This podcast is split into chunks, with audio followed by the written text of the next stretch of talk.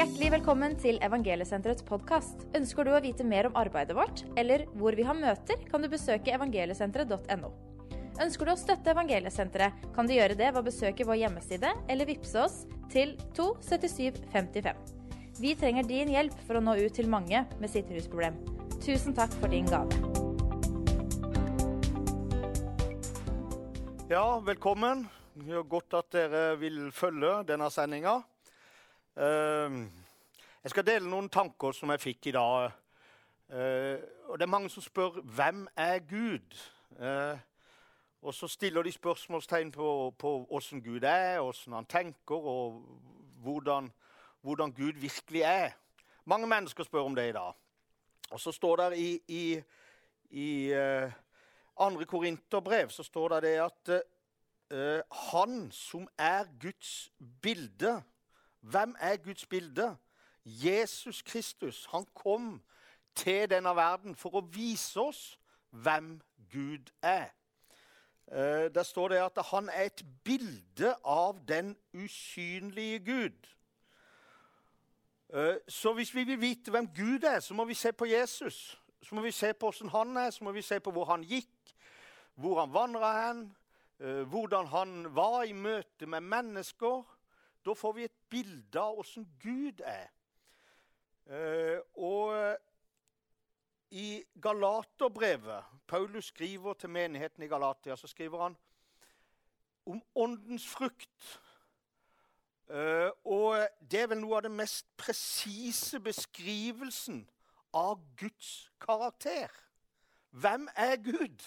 Jo, vi kan lese i Galaterbrevet, som skriver Paulus, men åndens frukt er, skriver han. Altså Den hellige ånds frukt, som er Gud, som er Jesus så sier han det er faktisk kjærlighet, begynner han med. Altså, Jesus er kjærlighet. Gud er kjærlighet. Det vil si at, at, at det er mye dypere eller bare eh, Ja, han har kjærlighet. Vi mennesker kan ha kjærlighet. I visse omganger med mennesker så kan vi Ja, der har vi litt kjærlighet. Men der står det at Gud er kjærlighet. Det vil si at han i sitt dypeste, dypeste, dypeste, så er hele Guds natur er kjærlighet. Han er ikke bare litt av han, men det er selve det som er Gud. Det er kjærlighet, står der. Og så kan vi ha mange meninger om det. Mennesker mener ja, det er kjærlighet, og det er ikke kjærlighet. Men jeg tror det er bare én som kan vise oss hvem, hva ekte kjærlighet er, og det er Gud. Det er når Jesus kommer. Så kan vi se hva Jesus gjorde, vi kan se hvor Jesus gikk hen. Vi kan se Der står forskjellig. Der står glede, fred, langmodighet. Der står en del sånn beskrivelser av sjøle den karakteren til Gud.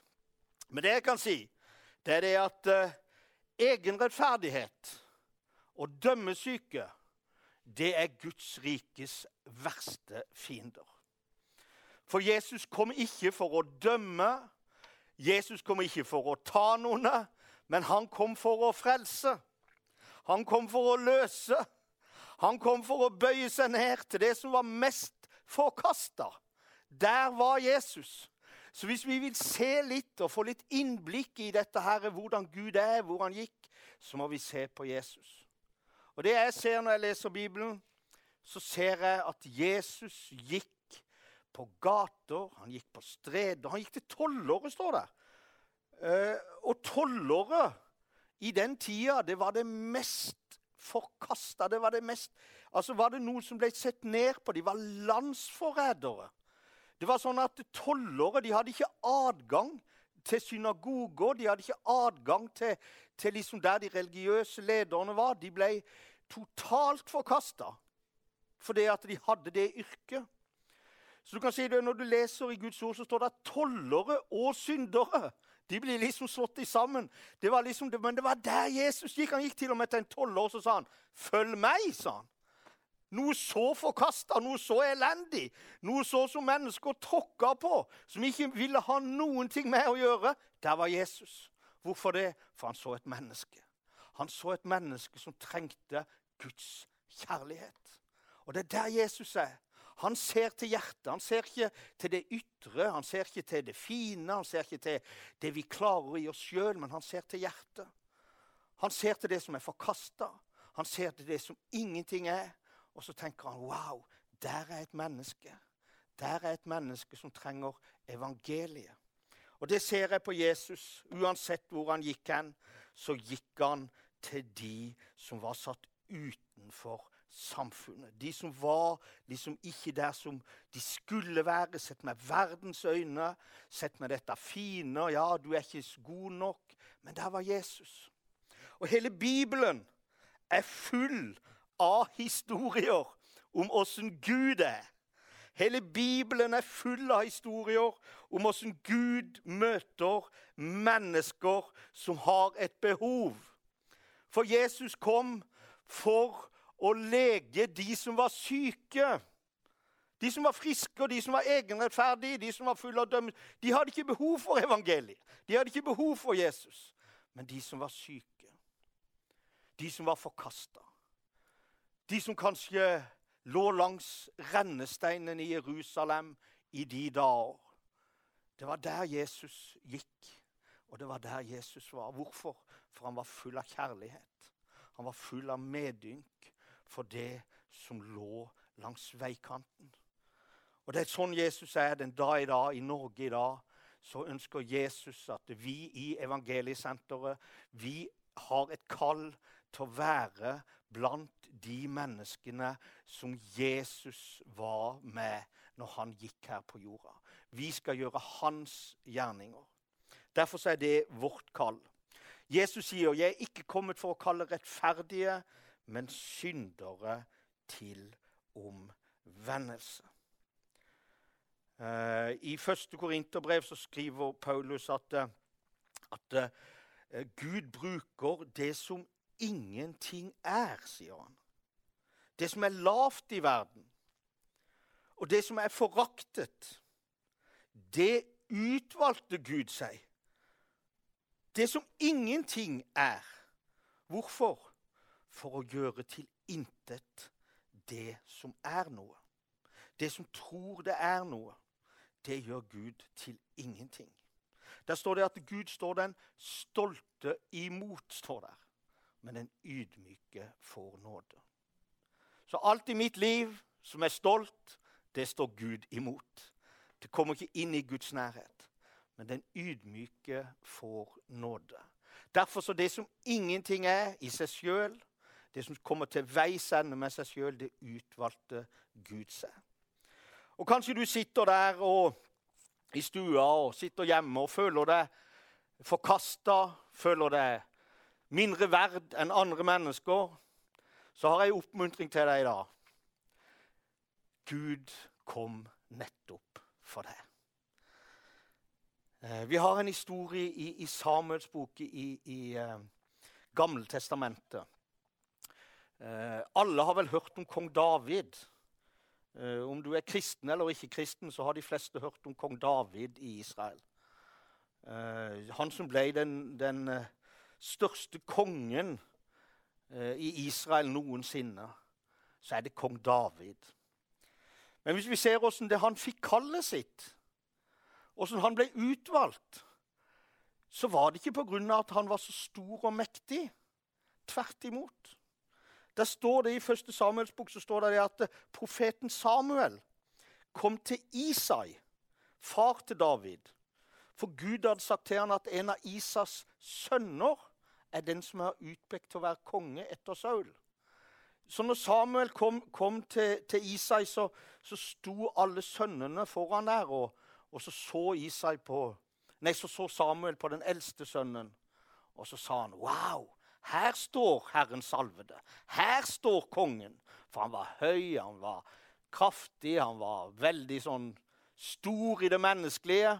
Så da tenkte Samuel at wow, han er det. Men så sier Gud nei, det er ikke han. For Gud ser til hjertet. Gud er ikke sånn som mennesker ser til det ytre og til det flotte. Men Gud ser til hjertet. Så han er det ikke. Så sier han til slutt ja, Har du ikke flere sønner, uh, Isai? Er dette alle du har? Og hvis du har følt deg forkasta, så kan jeg vel ikke tenke meg noen som burde føle seg mer forkasta enn David. For David var ikke rent med blant sønnene engang. Så du vet, når, han, når, når Isak fikk spørsmålet hallo, har du ikke flere sønner, så, så, var det jo liksom så jeg kan se for meg så sto Isak der at nei, ja, forresten, jeg har én. Men han er en gjeter. Og gjetere på den tida det var det laveste yrket du kunne få. Det var regna som ingenting. Du hadde ikke stemmerett. Du hadde egentlig ikke, du hadde ingenting hvis du var gjeter. En hyrde var liksom helt på bånn. Så derfor så det at, at David var en gjeter Da ble han ikke rett med blant søsknene engang. Han var fullstendig forkasta. Men Gud så han. Gud hadde andre planer med han. Hvorfor? For Gud så til hjertet. Gud så et hjerte der oppe i David som var helt med Herren. Gud sa til og med 'Det er en mann etter mitt hjerte'. Som du sitter der, og du har vokst opp med ting i barndommen, på skole, kanskje blant søsken, og følt deg forkasta, så er det kanskje du Gud har utvalgt. Det var du Gud kom for. Sånn som han kom for David, så sa han, 'Hallo, det er en annen en som jeg har salva til konge.' Så kanskje du sitter der og lurer på kan Gud bruke meg. Så kan jeg si deg at eh, David, til tross for han hadde mange søsken som var sterkere enn han, større enn han, så bedre ut, hadde høyere utdannelse, hadde mastergrader, hadde universiteter, hadde alt det de trengte, så sa Gud det er ikke dere jeg skal bruke, men det er han. Han som er der oppe på fjellet. Han som er forkasta. Han som ingen vil ha noe med. Men jeg ser til hjertet hans. For Gud ønsker å bruke det som ingenting er. Så David, han ble reist opp av Guds kraft. Så du er i godt selskap om du føler deg forkasta. Og jeg tror noe av sykdommen, største sykdommen i Norge i dag er forkastelse. Vi møter mange mennesker som føler seg så forkasta. For denne verden, Norge i dag, vet du, det skal ha alt det materielle på, på plass.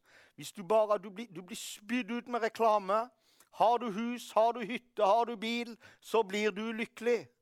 Men du blir ikke lykkelig av det. Det eneste som kan gi deg god lykke og god fred, det er ditt forhold til Gud. Det er det eneste, for det kan aldri bli tatt ifra deg. Bilen kan ryke, hytta kan gå, bankkontoen kan tømmes. Så hvis du bygger lykke og fred på det, så bygger du på noe som er ustadig. Men hvis du bygger på ditt forhold til Gud og ditt hjerteforhold opp til Han, så bygger du på noe som aldri kan bli tatt ifra deg. Derfor er det absolutt det viktigste. Eh, jeg skal fortelle en liten historie om uh, når jeg, når jeg, jeg, har jo ikke vært kristen i hele livet mitt.